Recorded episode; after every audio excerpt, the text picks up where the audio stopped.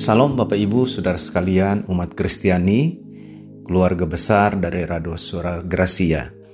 Saya mengucap syukur kepada Tuhan karena pada sore hari ini Tuhan kembali pertemukan kita lewat acara Mutiara Jiwa. Kita percaya saudara acara ini ada pasti karena rencana Tuhan.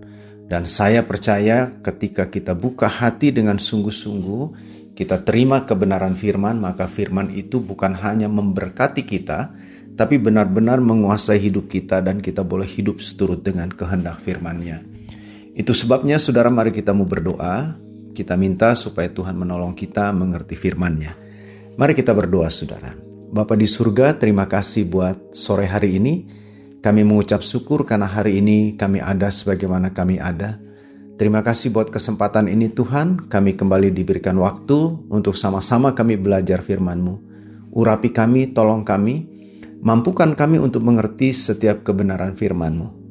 Tuhan, urapi hamba-Mu, untuk hamba-Mu dapat menyampaikan apa yang Kau mau. Apa yang Kau mau sampaikan, nyatakan, berikan pewahyuan kepada hamba-Mu, untuk kiranya dapat berkata-kata sesuai kehendak-Mu Tuhan. Urapan roh kudus mengurapi kami semua, menolong dan memampukan kami. Terpujilah nama Tuhan di dalam nama Yesus. Haleluya, haleluya. Amin. Bapak Ibu Saudara sekalian kasih Tuhan, saya membaca di dalam Alkitab dan saya memperhatikan ada sesuatu yang boleh dibilang satu prinsip dalam kehidupan sebagai orang percaya.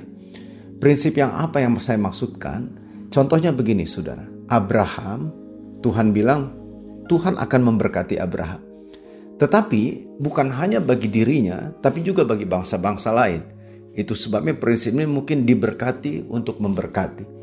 Jadi ketika Tuhan melakukan sesuatu bagi kita, itu bukan hanya tertuju kepada diri kita, bukan hanya teruntuk diri kita, tapi lebih daripada itu, supaya yang kita terima ini juga disalurkan, dibagikan saudara kepada yang lain.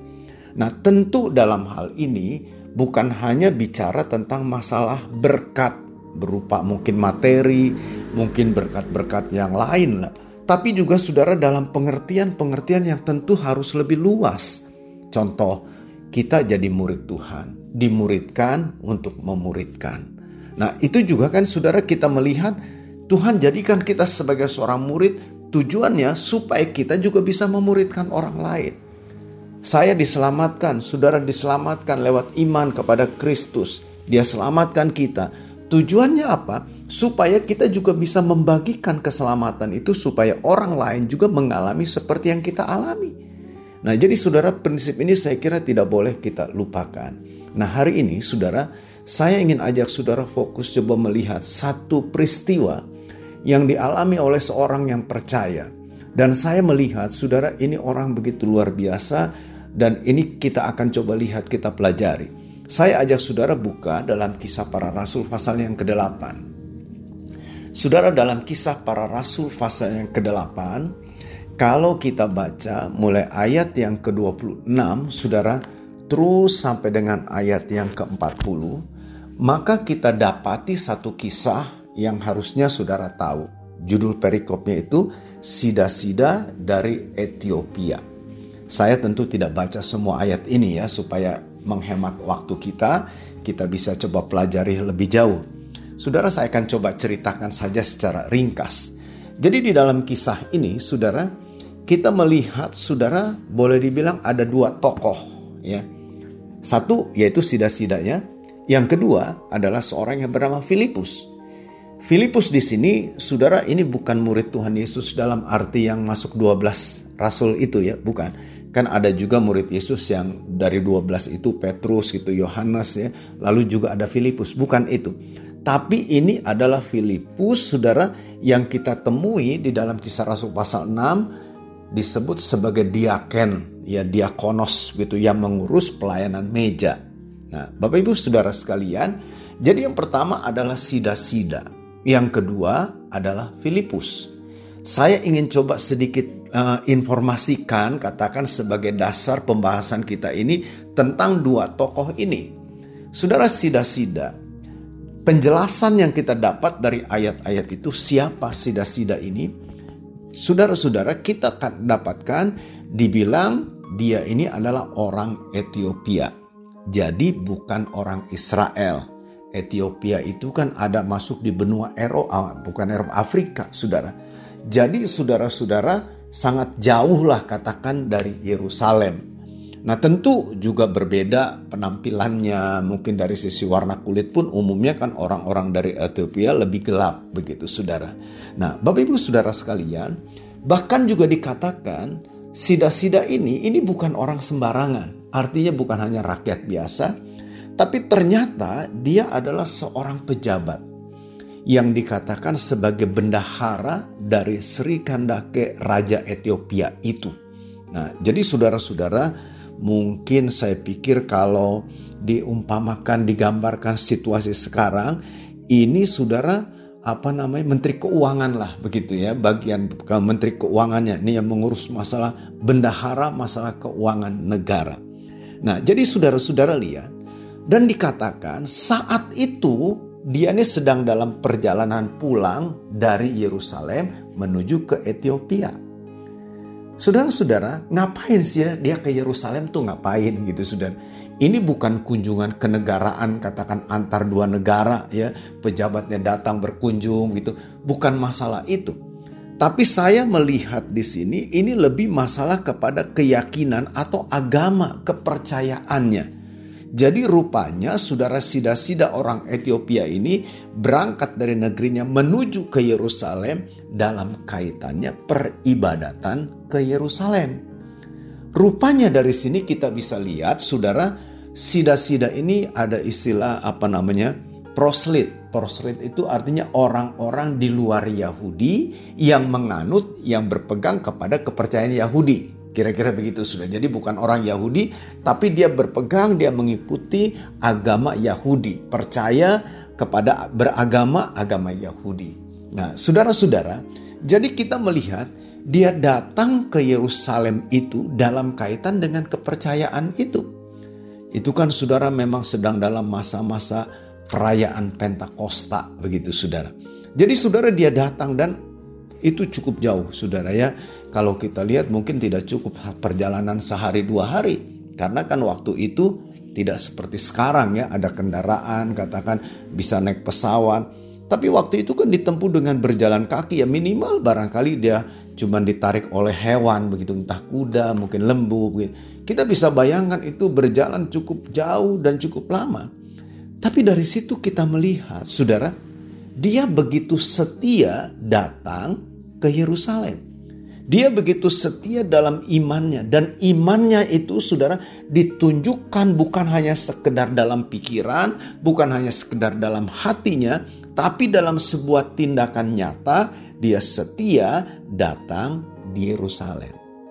Saudara, padahal begini saudara, kalau kita pelajarin orang yang disebut sida-sida ini itu saudara ada istilah apa namanya? Uh, orang kasim Kasim itu itu kan pejabat negara, saudara. Jadi pasti dia dekat dengan lingkungan istana, boleh dibilang bebaslah keluar masuk, uh, berinteraksi dengan raja, bahkan dengan pejabat-pejabat, dengan sang ratu, dengan seluruh-seluruh semua lah katakan begitu, saudara. Sehingga biasanya, saudara, orang ini disebut orang kasim dalam arti orang yang dikebiri gitu, saudara. Nah, saudara-saudara, ya saya nggak nggak nggak bicara panjang lebar di situ ya, tapi artinya itu pasti ada tujuan kan. Mereka diperlakukan seperti itu mungkin supaya nggak mengganggu ratu, nggak mengganggu selir-selir yang lain lah. Mungkin arahnya ke sana. Tapi persoalannya begini, sudah. Kondisi dia sebagai orang yang dalam keadaan seperti itu secara fisik Sebetulnya Alkitab jelas aturan orang-orang Yahudi berkata mereka yang seperti itu tidak boleh masuk ke bait Allah. Jangankan ke ruang suci, ke ruang suci, di halaman pun tidak boleh. Nah, jadi saudara-saudara, saya bayangkan dia sadarkan kondisi fisiknya, dia sadar keberadaannya. Saya yakin sedikit banyak dia ngerti, dia tidak boleh masuk gitu. Tapi saudara lihat kerinduan yang ada di dalam hatinya.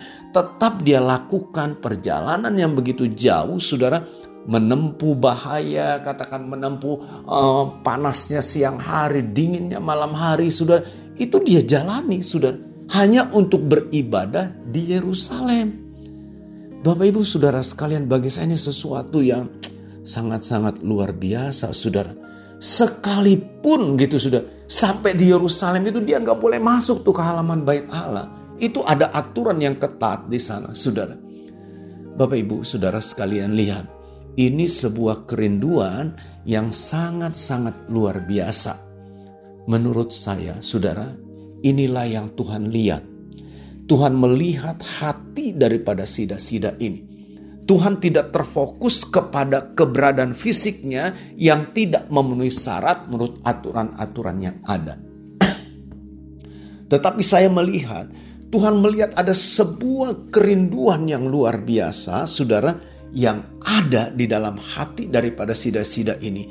Dia datang ke Yerusalem untuk beribadah kepada Allah Israel itu. Nah, Bapak Ibu, Saudara sekalian, apa yang dia lakukan, apa yang ada di dalam hatinya, kerinduannya kepada Allah itu, inilah yang membuat Allah menyatakan sesuatu yang luar biasa bagi dia. Kalau boleh saya katakan, Saudara, mungkin saya kalimatkan begini kasih Allah itu kepada sida-sida ini itu mengatasi keterbatasan kondisi keberadaan sida-sida itu. Saudara-saudara, mungkin untuk membandingkannya begini ya. Sebab ada orang bilang, ya itu kan berarti apa ya, Tuhan melanggar juga ketetapannya. Bagi saya bukan itu persoalannya, sudah. Tapi maksudnya gini, saudara tahu ya, satu hari murid-murid Yesus uh, apa namanya dia mengambil bulir-bulir gandum lalu orang-orang Farisi alih Taurat komplain gitu kan. Wah muridmu ini nggak berpegang teguh kepada aturan Taurat begitu kan. Aturan sabat. Lihat tuh murid-muridmu mengambil yang tidak diperbolehkan dilakukan pada hari sabat.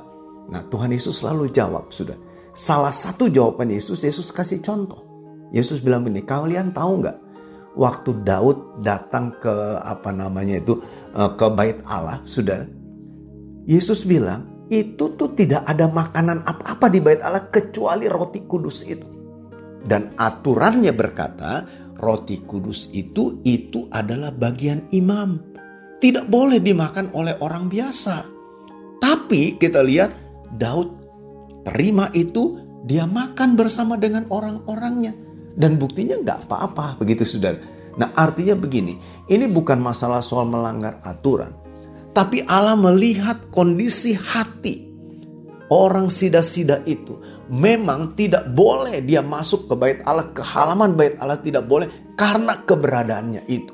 Tapi saudara lihat, kasih Allah itu tidak dapat dihalangi oleh aturan-aturan itu, oleh ketentuan-ketentuan itu. Kasih Allah itu saudara lebih tinggi katakan dari kondisi yang ada. Contohnya begini lagi, saya kasih pembanding. Di Indonesia ini kan ada yang namanya Undang-Undang Dasar 45. Saudara-saudara, selain Undang-Undang Dasar 45, saudara, ada kan aturan-aturan undang-undang yang lain. Ya, saya tidak terlalu ahli lah di bidang itu, tapi sedikit banyak mungkin yang sedikit ini saya ngerti. Belum lama ini kan Pak Jokowi, saudara Pak Presiden kita, dia bilang, tidak boleh katakan aturan-aturan yang dibuat oleh para menteri itu, saudara mengatasi katakan Undang-Undang Dasar 45, nggak boleh. Jadi saudara-saudara Undang-Undang Dasar 45 itu harus menjadi sumber dari segala hukum, aturan-aturan yang ada. Itu kan harusnya begitu. Nah jadi saudara-saudara tidak boleh ada aturan yang dibuat yang katakan kekuatannya apa namanya ya bobotnya itu lebih daripada saudara undang-undang dasar 45 aturannya seperti itu. Nah, saya bukan mau bicara soal masalah politik bukan sudah, tapi saya ingin coba menjelaskan sebagai pembanding supaya kita jelas. Jadi saudara lihat, secara aturan dalam kitab Taurat memang tidak boleh itu sida-sida itu nggak layak keadaannya saudara sebagai orang katakan bukan hanya orang asing tapi kondisinya sebagai orang kasim itu itu tidak boleh. Tapi saudara lihat Allah melihat hatinya yang begitu rindu dan kasih Allah ini mengatasi aturan-aturan yang ada di bawah itu. Itu sebabnya kita lihat ketika dia pulang tuh saudara dalam perjalanan Allah menunjukkan kasihnya lewat diutusnya seorang yang bernama Filipus.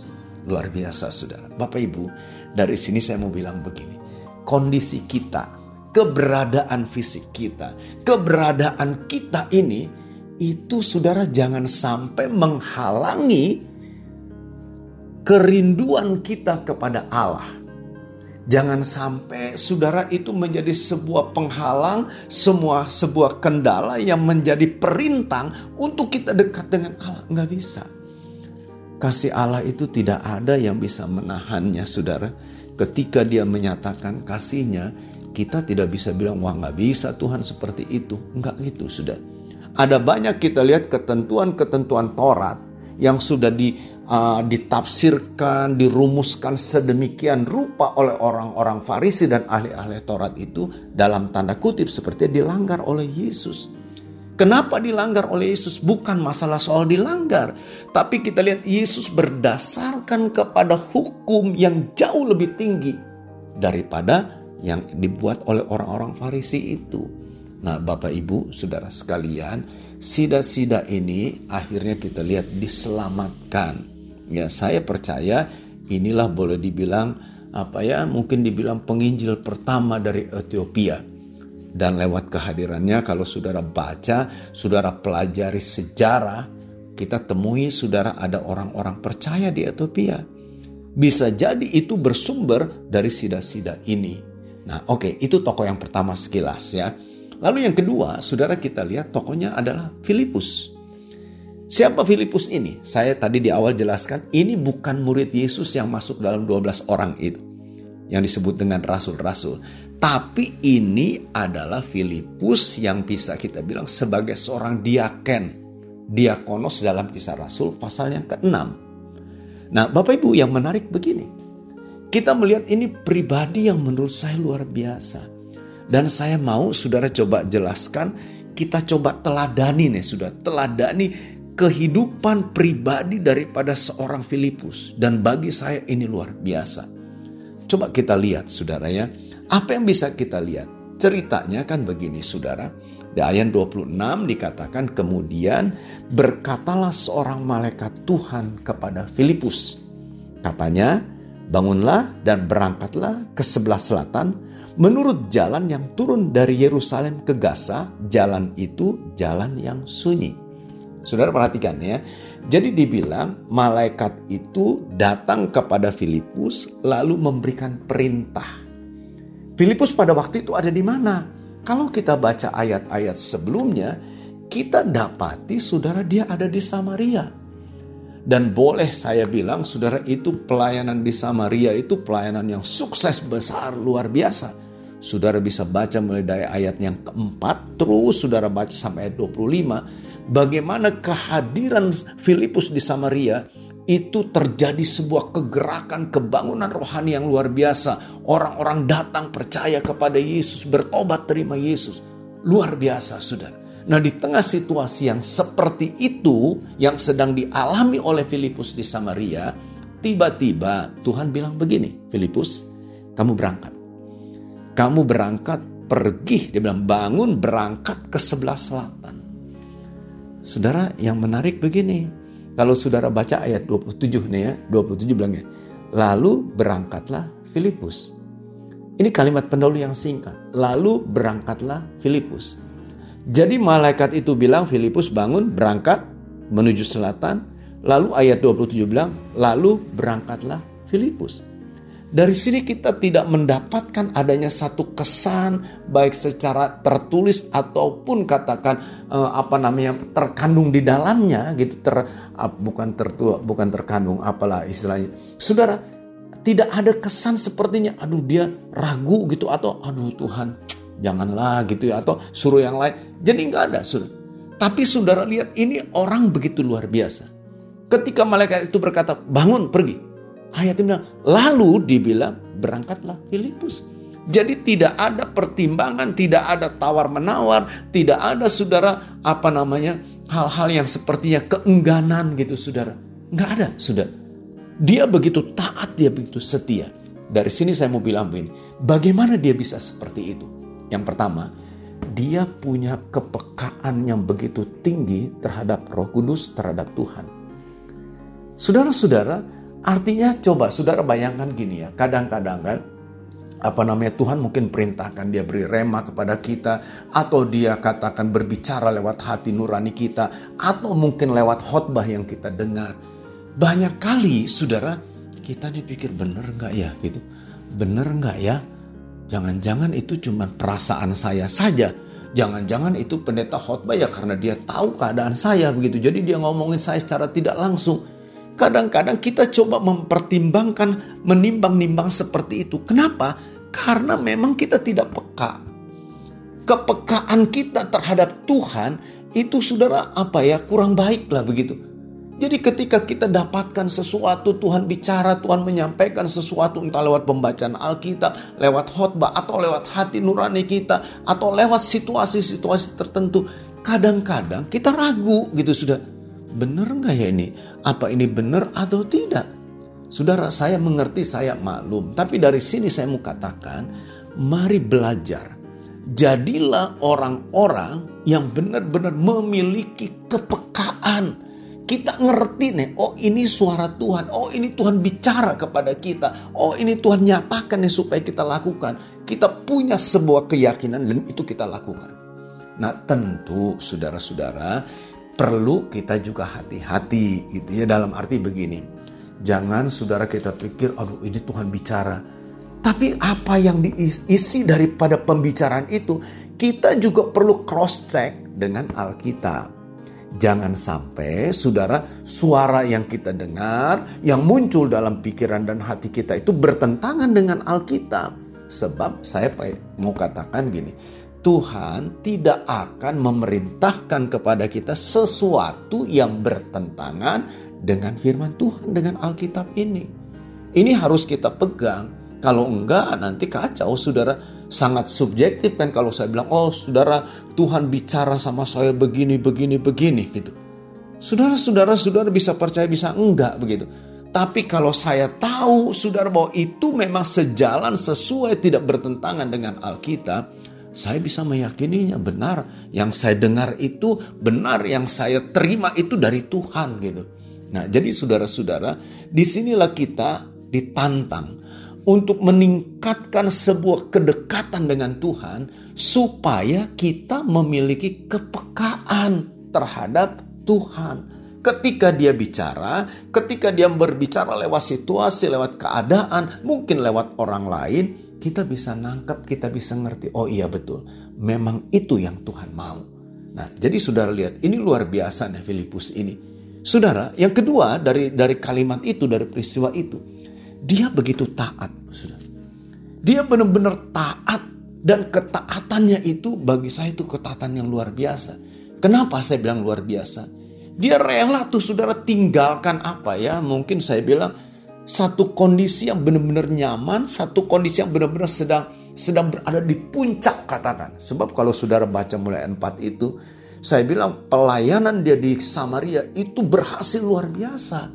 Coba saudara bayangkan katakan ketika kita sedang ada di puncak karir kita. Saudara dan kita sedang istilahnya apa ya disambut, disanjung oleh banyak orang. Wah saudara, lalu kita mau tinggalin posisi itu. Nggak gampang saudara. Apalagi kalau kita lihat ke mana dia pergi, disuruh perginya itu ke arah selatan. Dibilang menurut jalan yang turun dari Yerusalem ke Gaza. Dijelasin lagi, jalan itu jalan yang sunyi. Saudara-saudara, bisa nggak kita coba bayangkan?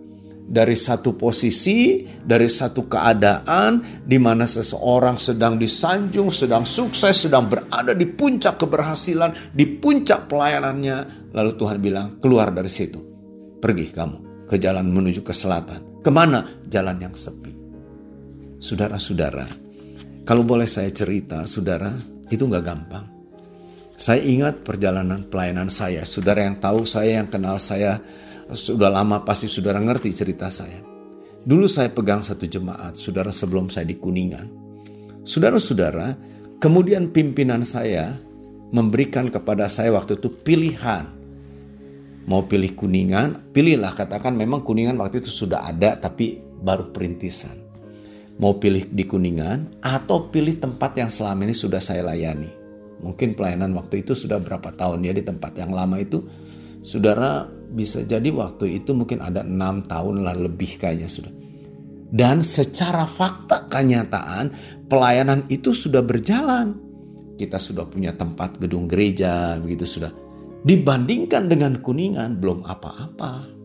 Saudara Kuningan baru mulai perintisan. Jadi pada waktu saya saudara disuruh pilih gitu, ya saudara-saudara pikiran normal manusia saya kan pilih, nggak mungkin saya pilih Kuningan. Saudara-saudara, saya kira kalau saudara jadi saya juga akan akan berbuat mungkin hal yang sama gitu. Kenapa? Karena pertimbangannya kuningan belum ada apa-apa, belum kelihatan, saudara. Ya kalau sekarang kita sudah punya gedung gereja dan sebagainya, oke okay lah. Tapi waktu itu kan nggak begini gitu, saudara. Kita pengen apa maksudnya membayangkan apakah kita nanti di kuningan punya gereja itu nggak kepikir gitu, saudara. Tapi yang jelas waktu itu kan di tempat yang lama ini sudah ada, jemaatnya sudah ada, gerejanya sudah ada. Saya sudah layani sekian lama gitu. Nggak gampang saudara. Dan jujur saya berkata hati saya pilihannya di tempat yang lama itu. Sampai boleh kalau boleh saya bilang ya dalam tanda kutip itu Tuhan paksa saya begitu saudara untuk keluar dari zona itu. Saudara dan saya katakanlah dilempar begitu ya, dilempar ke kuningan. Waktu itu memang sedikit sempat saya bertanya-tanya dan berontak sama Tuhan. Tetapi ternyata kan rencana Tuhan baik. Bapak ibu saudara sekalian maksud saya begini. Filipus benar-benar memiliki sebuah ketaatan yang total terhadap Tuhan. Dia tidak pikir tentang dirinya. Tapi ketika Tuhan perintahkan, dia berangkat. Dia rela tuh tinggalkan katakan segala sambutan, ketenaran, keberhasilan yang luar biasa itu. Dia rela lepaskan itu. Dia berjalan menuju ke arah Gaza di tempat yang sunyi itu. Untuk apa? Melayani satu orang. Sudah bisa bayangkan ya. Ini kan di Samaria yang dihadapi katakan jemaat itu bukan jemaat satu orang. Tapi jemaat yang begitu banyak, yang dimenangkan yang katakanlah membutuhkan dia untuk diajar sedemikian rupa, digembalakan. Bisa jadi begitu, sudah. Tapi sekarang Tuhan bilang, keluar kamu dari Samaria. Pergi ke sana, ke jalan yang sunyi. Untuk apa? Ada satu orang yang membutuhkan Tuhan. Bapak Ibu Saudara sekalian, kadang-kadang di dalam kehidupan ini, kita menghadapi situasi-situasi seperti itu yang Tuhan buat dan tidak mudah untuk kita melepaskan kenyamanan kita. Tidak mudah untuk kita, saudara, membebaskan diri kita, lepas, saudara, dari kondisi-kondisi nyaman itu, lalu kita masuk ke kondisi yang boleh dikatakan tidak nyaman. Saudara, tapi lihat Filipus. Pertimbangan yang ada pada Filipus bukan soal nyaman atau tidak nyaman, tapi dia tahu itu adalah perintah Tuhan karena dia paham, dia peka sungguh-sungguh, maka dia ngerti itu adalah perintah Tuhan. Dan kita lihat, dia lakukan. Bapak Ibu Saudara sekalian, inilah yang saya kira perlu ada pada kita. Ya. Kepekaan saudara terhadap firman Allah. Kepekaan terhadap apa yang Tuhan katakan. Lalu ketaatan. Menurut saya ini adalah dua hal saudara yang harus berjalan beriringan. Ini pandangan pribadi saya berkata begini. Saudara-saudara, Tuhan tahu kan saya ini seperti apa gitu. Kadang-kadang kita berdoa Tuhan bicaralah kepada saya, sampaikan firman-Mu Tuhan. Ketika Tuhan sampaikan firman-Nya, ketika dia tuh berbicara kepada kita, kita nggak bisa melakukannya atau kita nggak mau melakukannya. Kan aneh, saudara. Satu hari saya lihat di mana di Instagram kalau tidak salah ada sekelompok orang saudara sedang berdoa gitu. Dia berdoa Tuhan tolong uh, masyarakat di sekitar tempat ini yang miskin berikan mereka makanan Tuhan cukupi keberadaan mereka. Kami berdoa supaya Tuhan berkati mereka begitu kan. Jawablah Tuhan doa kami. Nah, saudara-saudara lalu dalam Instagram itu dibilang tiba-tiba datang malaikat Tuhan kan, di tengah-tengah uh, apa namanya doa mereka Lalu malaikat bilang ini, oke, okay, Tuhan sudah dengar doamu dan Tuhan menjawab doa. Wah mereka senang. Lalu malaikat itu bilang, oke, okay, Kamu tahu bagaimana Tuhan menjawabnya? Oke, sekarang kamu pulang atau ambil sekarang yang ada di dompetmu. Keluarkan uangmu itu, berikan itu sekarang kepada orang-orang yang tadi kamu doakan. Nah, Bapak Ibu, Saudara sekalian, ketika mendengar perkataan malaikat itu, mereka saling melihat kiri kanan menoleh satu yang lain. Lalu mereka ada satu yang ngomong, ini benar bukannya dari Tuhan. Ini betul bukan Tuhan yang bicara. Ini benar bukan malaikat atau ini jangan-jangan setan begitu. Saudara-saudara, sering kali kita tuh seperti itu. Banyak kali saudara kita minta sesuatu ketika Tuhan nyatakan dan itu saudara ketika menantang kita untuk taat, kita tidak mudah. Bahkan kecenderungan kita tidak mau kita melakukannya. Tapi hari ini saya ingin katakan dengan sungguh-sungguh kepada saudara, milikilah pribadi seperti Filipus yang taat. Dan saudara-saudara, kalau kita taat total gitu saudara, kita lihat ternyata Tuhan itu bekerja luar biasa. Kan di awal itu saudara kalau kita lihat saudara, Filipus itu nggak tahu tuh disuruh ke sana itu ke arah selatan mau ngapain nggak tahu. Tuhan tidak nyatakan nanti kamu di sana ketemu sama sida-sida itu menteri keuangan lalu nanti kamu bicara begini begitu. Tidak, saudara. Tidak ada penjelasan itu kan kalau saudara baca ayat 27 bilang lalu berangkatlah Filipus. Baru kalimat berikut menjelaskan sampai di tempat di sana dijelaskan tuh ada sida-sida orang Ethiopia itu. Artinya saudara di sini kita ditantang ketaatan kita itu didasari kepada apa yang Tuhan katakan. Bukan kepada pertimbangan pikiran kita, bukan kepada kondisi yang ada yang sudah dijelaskan kamu berangkat, nanti di sana kamu akan ketemu dengan menteri keuangan, seorang pembesar, dia butuh kamu. Enggak begitu, saudara enggak begitu. Nah, saudara-saudara, inilah sebuah tantangan buat kita. Kadang-kadang ketaatan itu, saudara, membutuhkan sebuah dasar yang kuat yang bernama iman. Iman tidak didasari dengan apa yang kita lihat, dengan apa yang kita dengar dengan telinga kita, dengan apa yang kita rasa dengan perasaan kita tapi iman itu didasari oleh firman Allah, perkataan Allah. Perkataan Allah tidak akan pernah salah. Perasaan saya bisa salah, pikiran saya bisa salah, mata saya bisa salah, telinga saya bisa salah, tapi firman tidak akan pernah salah. Pegang ini, sudah. Itu sebabnya ketika kita melangkah melakukan sesuatu itu didasari oleh iman. Saudara-saudara, kita akan melihat ada sesuatu yang berbeda. Filipus dia melangkah, dia berjalan. Sampai di sana, saya bayangkan begini loh saudara. Ini sih bayangan saya ya, tidak ditulis di sini saudara. Dia sampai, dia jalan, mungkin dia tengok kanan, tengok kiri nih. Saya mau disuruh ke sini mau ngapain gitu ya. Saudara-saudara, mungkin dia berdiri di tepi jalan, nggak ada siapa-siapa gitu. Bisa jadi ini saya kali lagi sedang bayangan saya saja saudara tapi saudara-saudara, ketika dia melihat ada sebuah rombongan, ya tentu sebagai pejabat negara nggak mungkin dia jalan sendirian kan, ada pengawal-pengawalnya pasti. Lalu dia coba dekati, karena memang Alkitab bilang saudara supaya coba deketin gitu kan, saudara-saudara. Maka dibilang, saudara, di sana dia dengar. Kalau ayat saudara baca ayat 29, lalu kata roh kepada Filipus, pergilah ke situ dan dekatilah kereta itu. Saudara lihat ya, jadi saudara bayangkan ketika dia sampai di tujuan itu, dia toleh kanan kiri, mungkin belum kelihatan tuh saudara rombongan itu. Lalu tiba-tiba dia lihat. Nah ketika dia lihat itu, roh kudus berbicara kepada dia, deketi kereta itu. Deketi itu rombongan itu. Jadi saudara lihat, ini dinyatakan oleh Tuhan sekali lagi bukan di awal. Tapi saudara lihat, ketika Filipus sudah melangkah, sudah melakukan apa yang Tuhan perintahkan, bangun, berangkat kamu menuju ke selatan sana. Saudara-saudara, tidak dibuka gitu kan. Ya kalau saya bilang kembali kepada kasus Abraham kan sama. Abraham keluar dari negerimu, ke negeri yang akan kutunjukkan. Saudara-saudara, mana negeri yang gak jelas? Tuhan tidak jelaskan. Di sinilah peranan keyakinan kita, percaya kita kepada kebenaran firman. Dan saya mau katakan dengan sungguh, firman tidak mungkin salah. Berpeganglah teguh kepada firman Allah.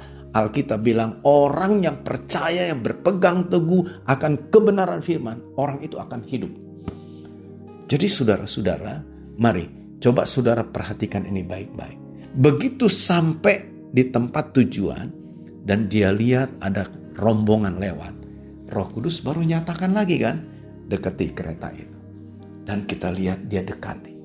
Saya pikir saudara, itu kan pejabat, nggak mudah mungkin kan untuk mendekati. Tapi kita lihat ketika Tuhan perintahkan itu, kesan yang saya tangkap Tuhan itu sudah kondisikan keadaan itu. Waktu dia dekati, saudara, ternyata sida-sida itu saudara sedang membaca kitab suci. Itu sudah. Mungkin saja dia baru beli itu saudara ya salinan kitab suci itu di Yerusalem. Jadi sepanjang jalan dia baca itu, dia baca.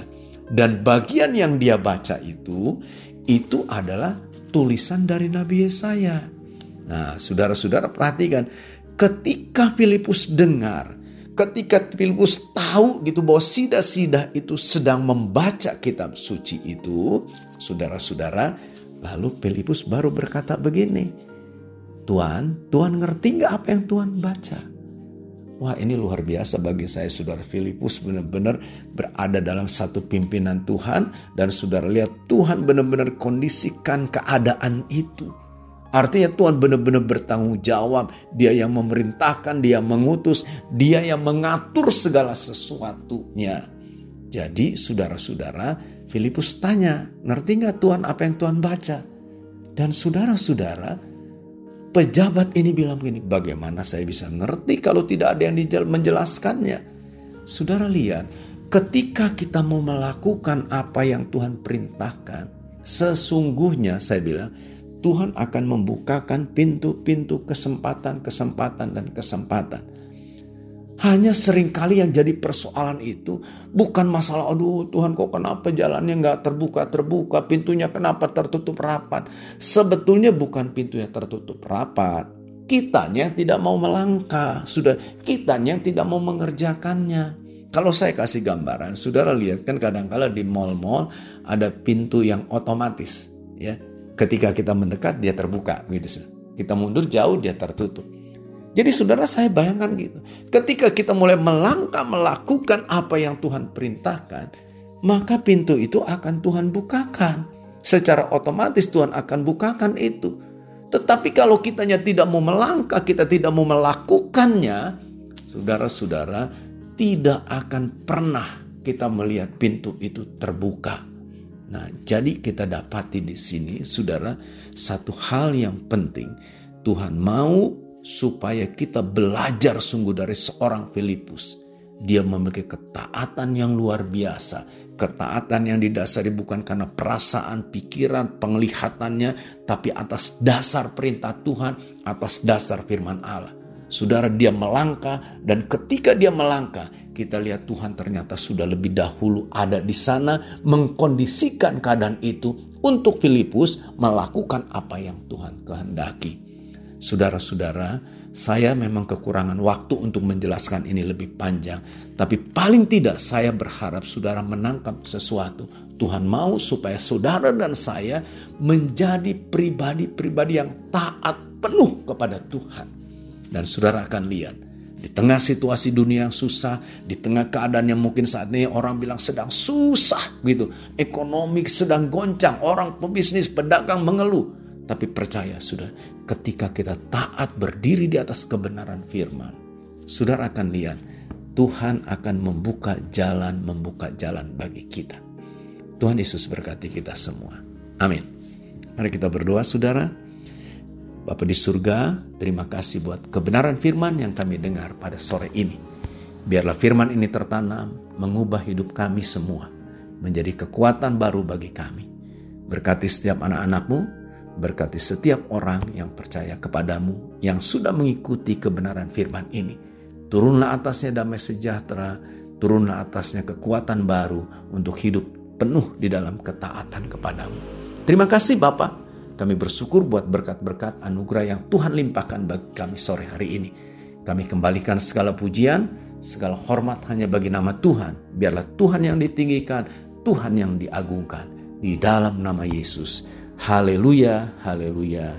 Amin.